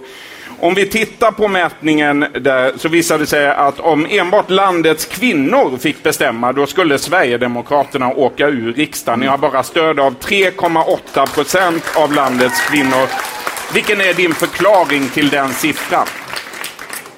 Att vi är, eh, har varit dåliga på att vara relevanta i vanliga kvinnors vardag. Det är så. Eh, och vi jobbar eh, väldigt hårt vill jag påstå för att bli relevanta i vanliga kvinnors vardag. Och det är, ett- ett led i det är till exempel att vi lyfter frågor kring jämställdhet, att vi lyfter frågor kring rätt, ökade möjligheter till heltid i offentlig sektor och liknande. För att visa, för jag tror inte att kvinnor är mindre sverigedemokratiska än män.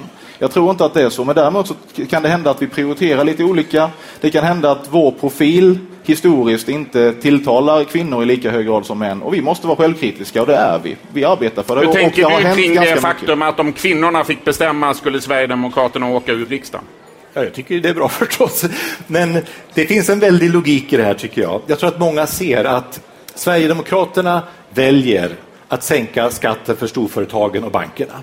De väljer att sänka skatten för höginkomsttagare som Jimmie Åkesson och då räcker inte pengarna till välfärden. Där arbetar många kvinnor som har för låga löner, som inte får arbeta heltid, som inte har tillräckligt många arbetskamrater.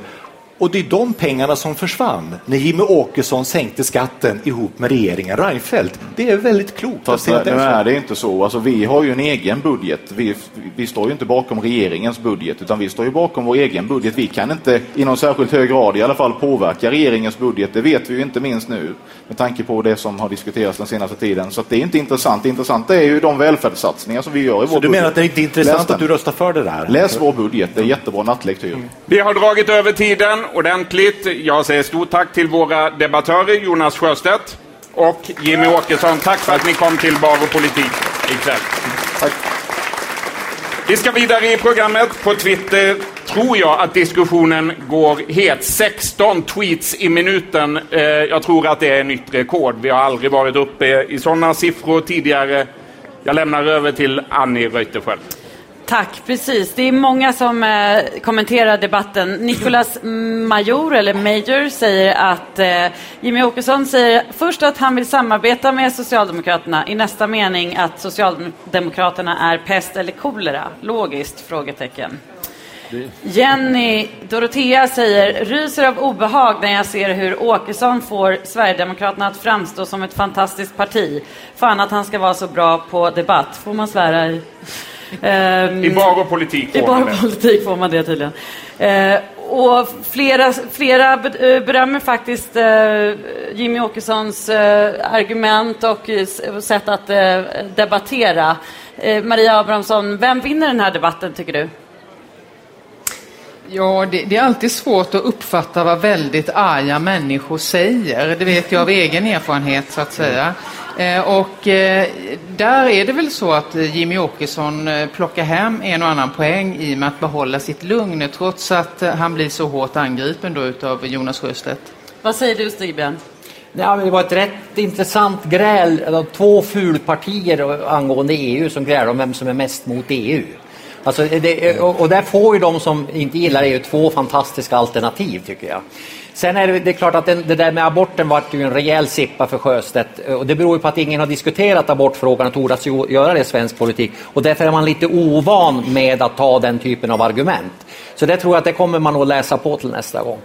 Bägge två är jätteduktiga tycker jag. Eh, två, två fulpartier, ett kan vi säga ett fulparti som försöker bli fint då och sen försöker Vänsterpartiet att krypa ur den här eh, sossa med pengar eh, varianten de har länge varit och vara lite mer profilerade. Så det är oerhört intressant. Göran, de började prata om Timbuktu och eh, Ja, den här låtraden. Dunka Jimmy gul och blå och hissa i en flaggstång. Ska kulturen vara fri att uttrycka den här Absolut, om det, menar, annars får vi börja dra in alla exemplar av Bibeln, eh, Homeros Iliaden kan vi inte läsa. Det finns nästan ingenting som går igenom eh, censuren om vi ska ha den där synen. Så, Evert Taube. Evert Taube kan vi inte heller hålla på med. Det finns pedofili säkert, eh, ingen som vet. Eller prostitutionsanklagelser finns det ju i Flickan från Havanna, det kan vi inte heller ha och så vidare. Alltså, det är helt enkelt så att litteratur, jag är verkligen estet i de här frågorna. Litteraturen, konsten, sångerna ska ha ett frikort därför att vårt samhälle är helt beroende av att det någonstans formuleras alla de här frustrationerna, ilskan, erfarenheterna som inte alltid behöver vara så där väluppfostrade. Det måste få formuleras någonstans och det tyckte jag Sjöstedt var ganska bra på att säga. Jag tycker annars att behållningen av den här debatten, det tycker jag var när Åkesson började tala om abortfrågan. Det var ju då jag förstod varför 97 procent av svenska kvinnor inte kan lägga rösten på Sverigedemokraterna. Det tyckte jag var det mest upplysande faktiskt. Jag hoppas det blir lite mer av de, de frågorna istället för om Timbuktu faktiskt. Maria, var du på den här prisutdelningen där Timbuktu fick pris? Nej. Varför inte? Alltså jag ifrågasätter inte på något sätt det konstnärliga värdet i hans låttexter, absolut inte. Men eh, all konst behöver man ju inte uppskatta. Och då tar jag mig friheten att eh, inte konfrontera mig med den konsten jag inte gillar helt enkelt. Men var det en, eh, som en demonstration för att du inte tycker att eh, artister ska sjunga så om politiker? Det är klart att det, det, finns ju, det finns ju en anledning till varför man inte gillar saker och ting. Och jag tycker väl att eh, mot den eh, bakgrunden vi har i Sverige när det gäller klimatet för hotade politiker och sådär så tycker jag kanske inte var den mest eh, träffande passande texten att, att liksom hylla. Men nu var ju inte det var, det var ju inte den som var fokus för riksdagsceremonin. Men, men hur som helst, eh, jag avstod och tyckte att jag hade rätt att göra det. Ja. Vi går vidare med ett annat ämne som också diskuterades här. Socialdemokraterna och arbetskraftsinvandringen. Eh, Stigbjörn, eh, Fredrik Reinfeldt gick ju ut eh, några dagar efter det här utspelet och sa att det kan leda till ett vi och dom-tänkande och att man lånar retorik från främlingsfientliga eller högerpopulistiska grupper. Vad säger du om det? Jo, men alltså alla måste ju vara lite populistiska och spela på de här nationella strängarna. Och det här var ju faktiskt Sjöstedt som tog upp det här med att det ska inte komma hit invandrare och ta eh, jobb som eh, slår ut svenska arbetare genom att de tar lägre lön. Det var faktiskt vad han sa. Och, och det tycker jag är bra att han säger, ska vi också tillägga, för att det finns en stor grupp där som, som annars bara har, eh, har Sverigedemokraterna och och rösta på. Och vi och dem, ja, men vi, fan, vi har en statsminister i det här landet som för några år sedan uppmanade oss att inte köpa kinesiska leksaker och lägga under julgranen utan svenska upplevelseprodukter. Jag menar, vad fan är det om inte att spela på nationella tjänster och vi och dem? Det finns ingen, inte ens pedagog, eller de här eh, sociologerna eh, på universiteten som klarar av att diskutera vi och dem utan att de gör en uppdelning i vi och dem. Det har blivit ett slags mantra, man säger att vi får inte dela upp oss i vi och dem och ni delar upp oss i vi och dem och så får man inte göra. Sluta med det. Maria, vad säger du? Nej, jag tycker att eh, det, det, det ju som du säger Stigbjörn, det är ju helt rätt. Men det jag som tycker den politiska sprängkraften i den här frågan att, att vara för eller emot eh, arbetskraftsinvandringen då så att säga, eh, det är ju att Miljöpartiet är ju det partiet som Socialdemokraterna så hemskt gärna vill ha med sig för att kunna bilda en regering. Miljöpartiet är kallsinniga till det här resonemanget att man, inte, att man ska begränsa arbetskraftsinvandringen. Sossarna och vänstern verkar då stå med på samma sida. Va? Och Löfven vill inte, vågar inte regera eller säga att han vill regera med, med vänstern. Så det, det, här visar väl ändå, om vi diskuterar regeringsalternativ, så är det liksom lite, lite splittrat på den sidan. Göran, vad säger du? Blir det här en het valfråga till och med? Ja, det kan det ju bli. Alltså, men jag tycker ändå att det blir en karikatyrmässig bild av vad LO har föreslagit. Vad LO säger det är ungefär att eh, 70 procent av arbetskraftsinvandring, det funkar jättebra. Sen är det ett stort antal fall, ett antal tusen fall, där verkligen människor far illa därför att det finns ingen kontroll på det här. Och det är detta de vill åtgärda. Så jag tycker att det är väldigt mycket karikatyrmässigt framställt. Det är ju alltid det här problemet att eh, det är inte bara vi och dem problemet som finns i, i, politiken utan det är också det här med att om, man, om jag sitter här och hävdar att jorden är rund och Åkesson mot all förmodan skulle instämma i det åtal, uttalandet Eh, ska vi då betrakta den ståndpunkten som sverigedemokratisk? Alltså, det, det, kan vi inte göra. Nu hoppas jag att han tycker att jorden är platt, för det är ju vad man kan frukta efter hans ja, världsbild. Ja, vem som helst som åker upp i Kaknästornet kan ju se att det är platt. Så att ja, ja, ja, Tack det, det, panelen. Vi ska lämna tillbaka till Faktum att den är svagt ja, Tack för det. Ni kommer att få höra mer av panelen, men först ska vi ta upp nästa gäst på scen. Jag säger välkommen till skuggfinansminister Magdalena Andersson. Hon är ekonomisk politisk talesperson för Socialdemokraterna. Och här kommer hon. Välkommen. Vi ska börja med talmannens beslut i riksdagen som vi har pratat en hel del om redan. Hur reagerar du? Ja, jag är inte särskilt förvånad. Det här var ju en möjlighet som talmannen hade och som han idag valde att använda. Känslorna har varit heta som sagt. Eh, så här skrev din partikamrat Matilda Ernkrans. Hon är riksdagsledamot och hon formulerade det så här på Twitter. Patetisk talman. Igår vägrade han ta ställning för öppenhet och antirasism. Idag går talmannen Moderaternas ärenden i kammaren. Sorgligt. Patetisk talman. Håller du med din partikamrat? Jag kanske inte skulle uttrycka mig på det sättet, men eh, han har, eh, talmannen har gjort ett val. Han kunde välja att göra på ena sättet eller på det andra sättet och han valde på det ena sättet. Samtidigt säger eh, en annan partikamrat till dig, den tidigare talmannen Björn von Sydow till Tidningarnas telegrambyrå, att allt har gått korrekt tillväga. Så här har det fungerat i 20 år, säger han. Hur reagerar du på det? Jag beror på vad han menar, men eh, att det är inte något inkorrekt som talmannen har gjort, utan han hade den här möjligheten och han har tagit den möjligheten. Du uppmanade i Expressen idag, utifall att det skulle ha blivit en omröstning, de borgerliga riksdagsledamöterna, en av dem har vi i panelen, eh, att rösta med oppositionen. Hur tänkte du då? Ja, det finns ju möjlighet i nästa vecka då för de borgerliga ledamöterna att gripa det här tillfället. Jag ser det här som ett tillfälle för de borgerliga riksdagsledamöterna och för andra ledamöter i riksdagen att faktiskt rätta till någonting som uppenbarligen blev fel i höstens budget, nämligen att lägga 3 miljarder, att låna upp, skuldsätta hela svenska folket för att lägga 3 miljarder för att sänka skatten för de som tjänar lite mer. Och det är lite nästan ödets ironi att den här frågan diskuteras samma vecka som vi fick resultaten från internationella undersökningen av skolresultaten från PISA och som visar att de svenska skoleleverna faller snabbast i kunskapsutveckling av alla OECD-länder, alltså alla de undersökta länder. Det är inget annat land som har så dålig utveckling vad gäller kunskapsresultaten. Då är det klart att då behöver vi lägga pengar på skolan. Då kan vi inte hålla på och sänka skatten hela tiden. Och det tror jag att även omskakade borgerliga riksdagsledamöter känner att det här blev nog inte så bra. Och här finns en möjlighet. Grip den möjligheten. Nu eh, beror det ju delvis på er faktiskt att frågan kom upp just den här veckan, för den kunde ha avgjorts åtminstone delvis, redan i oktober om det inte vore för att två av dina partikamrater, Mikael Damberg och Karina Hägg, missade omröstningen. Pinsamt.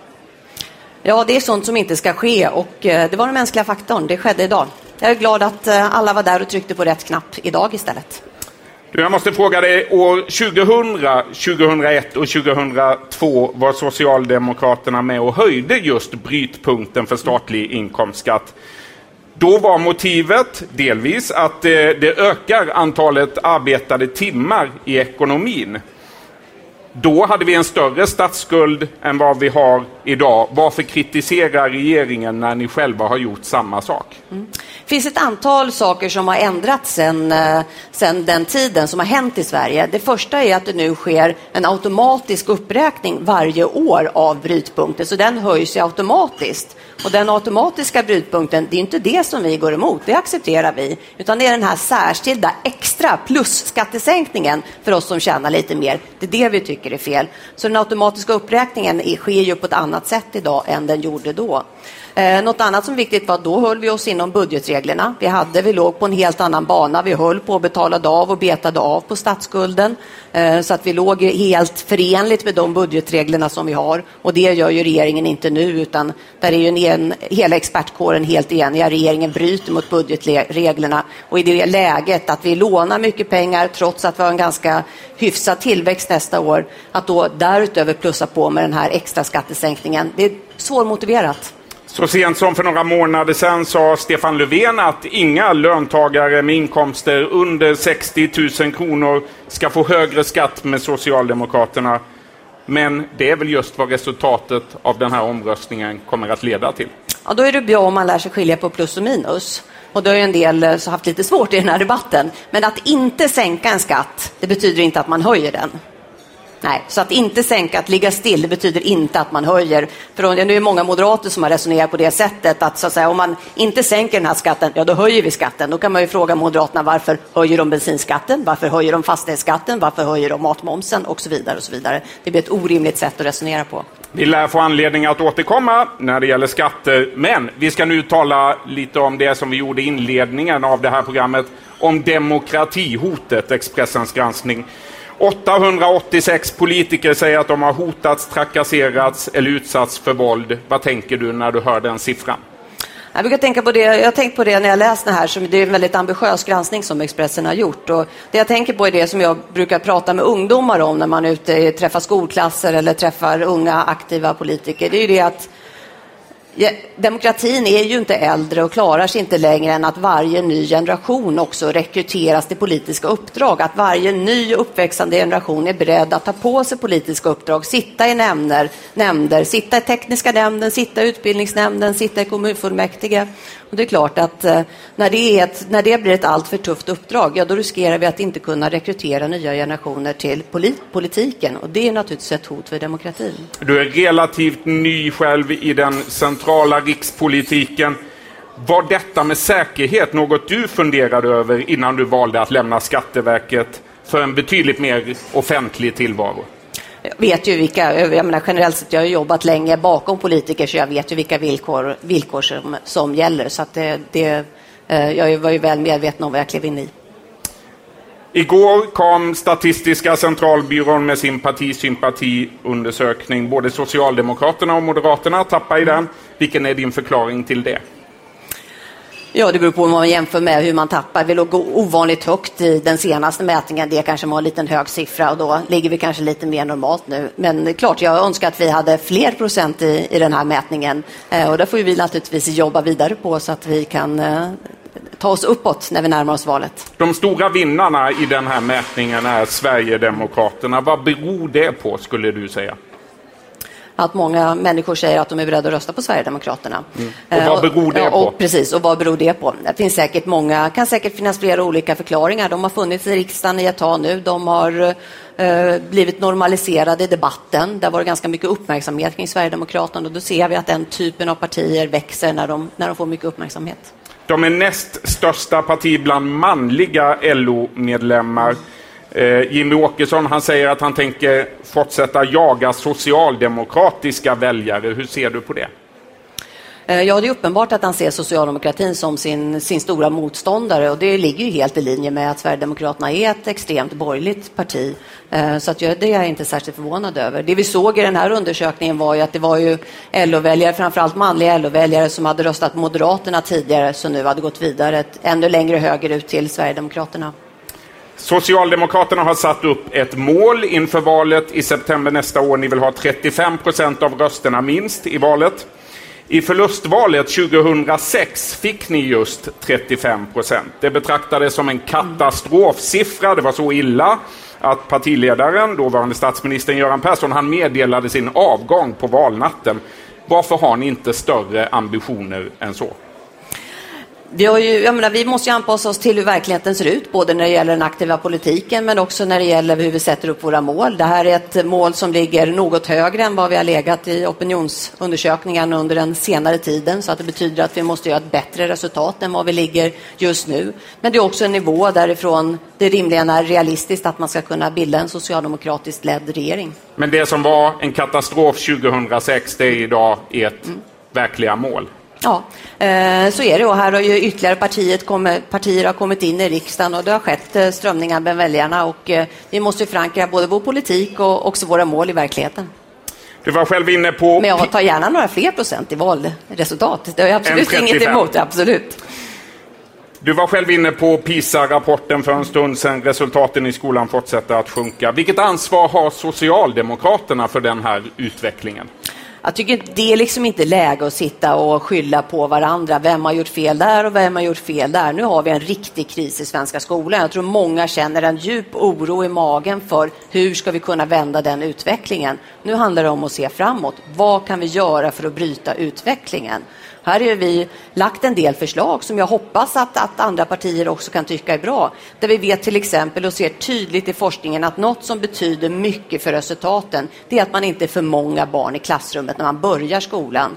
Det är ju helt logiskt att, så att, säga, att kunna fånga upp barn tidigt så att alla kommer med från början är väldigt viktigt. Eh, och här har vi förslag om att man ska vara kunna vara i genomsnitt fem barn färre i de stora klasserna när man börjar ettan. Så är man 27 i början så har vi lagt förslag om att man istället ska kunna vara 22 i klassrummet när man börjar. Det är ju någonting som skulle ha stor betydelse för kunskapsresultaten. Så handlar det naturligtvis också om lärarna och lärarnas situation. Mindre klasser gör situationen bättre för lärarna i arbets och klassrummet. Eh, men det handlar naturligtvis om att också på andra sätt stötta lärarna så att, lärarna är ett, att vara lärare är ett attraktivt yrke. Vi måste ju också få många fler som söker sig till lärarutbildningen idag. Ni är tydliga med att ni vill satsa mer pengar på skolan än regeringen, men är det verkligen pengar som är det stora problemet med skolan? Länder som satsar betydligt mindre pengar på skolan än Sverige ligger betydligt högre upp på listan. Mm. Nej, jag tror inte att det handlar bara om, eh, bara om resurser, utan det handlar om annat också. Däremot tror jag inte att, så att, säga, att flytta betyg från sexan ner till fyran är det som kommer lösa problemen heller. Jag tror resurser är en sak. Det handlar om lärarnas status och att lärarna ska få bra arbetsmiljö, men också goda utvecklingsmöjligheter. Eh, och sen handlar naturligtvis övrigt om det pedagogiska innehållet. Vi har nått fram till slutet på denna direktsändning. Stort tack säger jag till Magdalena Andersson för att du kom till Bar och politik ikväll. Tack. Vi ska avsluta eh, om en liten, liten stund. Eh, när det gäller då utfrågningar så är vi klara, ska jag säga. Panelen ska vi inte överge. Annie Reuterskiöld, vi ska naturligtvis ha kommentarer. Det ska vi absolut. Maria Abrahamsson, i förra veckan så stack du ut hakan i debatten om eh, höjd brytpunkt. Mm. Du ifrågasatte om eh, en lön på 36 325 kronor är en höginkomsttagare och drog det till och med till att är det, är det ens eh, en höginkomsttagare om man tjänar 60 000 i månaden om man bor i huvudstaden? Var går gränsen för dig? Ja, det där kan man diskutera verkligen. Och när det, det, så det, min bloggpost la huvudfokus på det var ju detta med 36 000 eftersom det är den eh, nivån som brytpunkten har handlat om hela tiden. Och eh, nej, jag tycker nog inte att eh, psykologer, ingenjörer, sjuksköterskor, poliser som har kommit upp i en lön runt 35-36 000 är höginkomsttagare. Jag tror inte de uppfattar sig som det själva heller. Men med detta sagt hoppas jag att jag får gå in och svara på det som jag tog intryck av när jag lyssnade på Magdalena Andersson.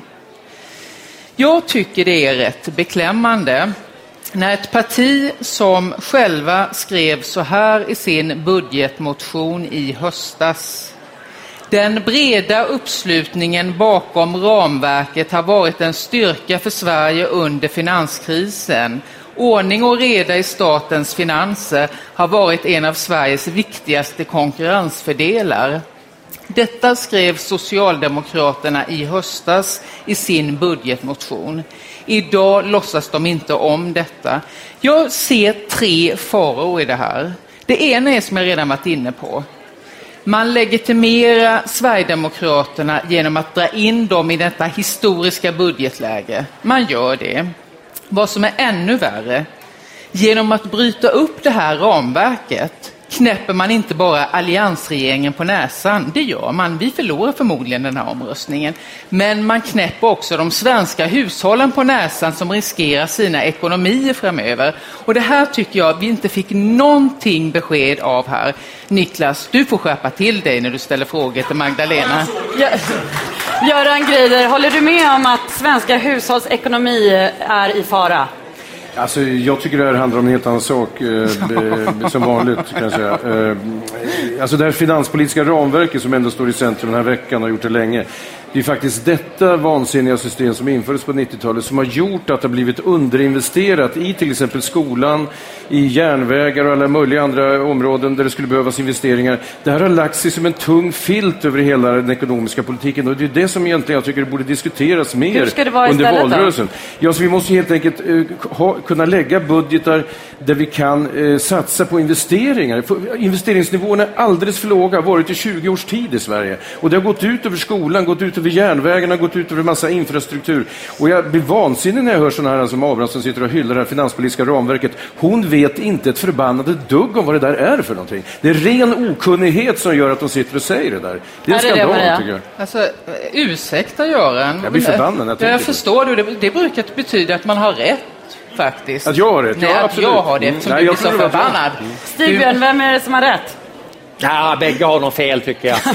Eh, nej, men, alltså, Göran har ju rätt att, att det är klart man ska investera och då ska man inte ha det här ramverket. Men ramverket är ju inte ditsatt för att förhindra investeringar utan för, för att förhindra att en massa människor eh, med politiska sådana här do-gooders, eh, de goda gåvornas givare, slänger ut en massa bidrag för att folk inte ska jobba. Va? Alltså det så- kan vi få en politisk enighet om att vi ska satsa på investeringar, då kan vi säkert rucka lite på ramverket också.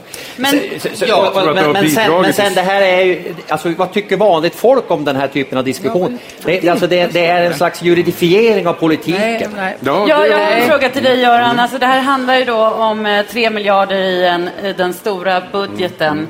Eh, varför är det så viktigt för Socialdemokraterna att föra den här Ja, kampen? det är ju lite grann så att jag tycker att sossarna missat tåget här i höstas. De hade kunnat säga så här, vi ska, om vi kommer till makten så river vi upp det femte jobbskatteavdraget.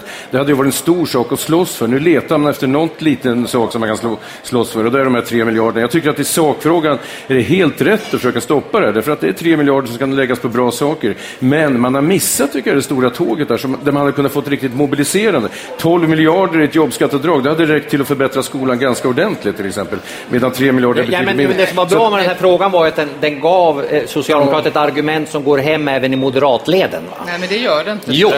För att i moderatleden så tycker vi om att ha ordning och reda på finanserna. Och framförallt Även om det ett... går ut över investeringar? Nej, ja, fast du kan ju inte investera om du inte har ordning och reda i dina finanser. Jag menar, titta på Grekland. Det här ramverket kom fram, eh, kom fram till eh, där det har legat efter en kris i Europa där Sverige insåg att vi, vi kan inte ha det så här, vi måste skydda medborgarna. Men nu och, nu, och nu är det så här. En avslut, nu måste jag avbryta Ja. dig för en avslutande fråga som handlar om någonting annat då, en höjd brytpunkt. Vi pratade också om LO och Sverigedemokraterna och eh, hur man vill stjäla eh, väljare från S.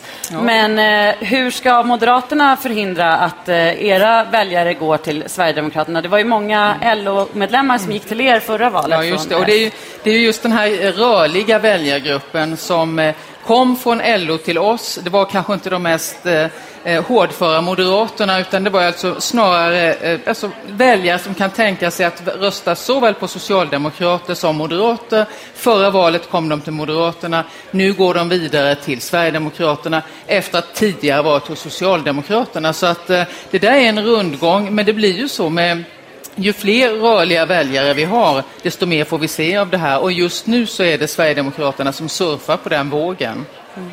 Stigbjörn, vad, vad blir det nu? Det, det, är olika frågor som cirkulerar här, men är, det, är skolan det, det som kommer segla upp som valets viktigaste fråga, tror du? Ja, skolan har ju den fördelen att alla har en åsikt om det, för alla har gått i skolan. Det är också därför det tror jag är stora chanser att oavsett vad vi kommer fram till så går det åt helvete. eh, och för det andra, så det är jobben alltså. Det, det, det kommer att bli. Jag tror snarare att det är välfärdsfrågorna som kommer att betyda mest här. Alltså det, är, det tror jag stora delar även inom borgerligheten känner detta att skolan fungerar inte särskilt bra, sjukvården är problem och så vidare. Och det där har ett samband med de här, den här långa perioden av skattesänkningar. Det är den frågan som jag tror faktiskt till slut kommer att betyda mycket i, i valrörelsen, det tror jag. Tack panelen för att ni har varit här idag. Det har varit fantastiskt att ha er tillbaka och eh, dig Maria en första gång. Vi hoppas att du kommer igen. Vi är så glada för att ha er och ni är så välkomna tillbaka. Förstås. Det gäller också alla er som har tittat på denna sändning i Expressen TV och till alla er som samlats här vill jag också säga tack på Clarion Sign Norra Bantorget i Stockholm. Vi ska nu avsluta denna sändning med en glädjande nyhet. Bar och politik är tillbaka redan i januari. Då drar vi igång den nya säsongen under valåret.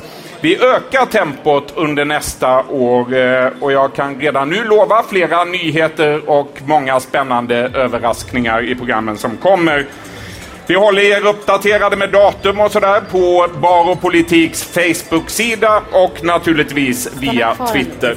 Nästa program sänds torsdagen den 23 januari. Då börjar vi något tidigare än ikväll. Klockan 19.00 är det som gäller då. Jag hoppas att ni är med oss då. Nu säger alla vi som har jobbat med den här produktionen ikväll, stort tack till alla gäster, till panelen förstås, till er som har samlats här och till alla er som har suttit framför tv-apparater, mobiltelefoner, läsplattor och datorer. Redaktör för programmet har varit Joel Holm, projektledare Elsa Falk, producent Mikael Koff, ansvarig för ljudet Staffan Engvall och studiovärdinnan Josefin Nylén. Strax möter ni Daniel Alsen, kvällens programledare för Primetime. På återseende.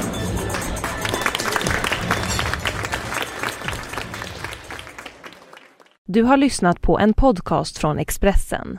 Ansvarig utgivare är Thomas Mattsson. Fler poddar hittar du på expressen.se podcast och på iTunes.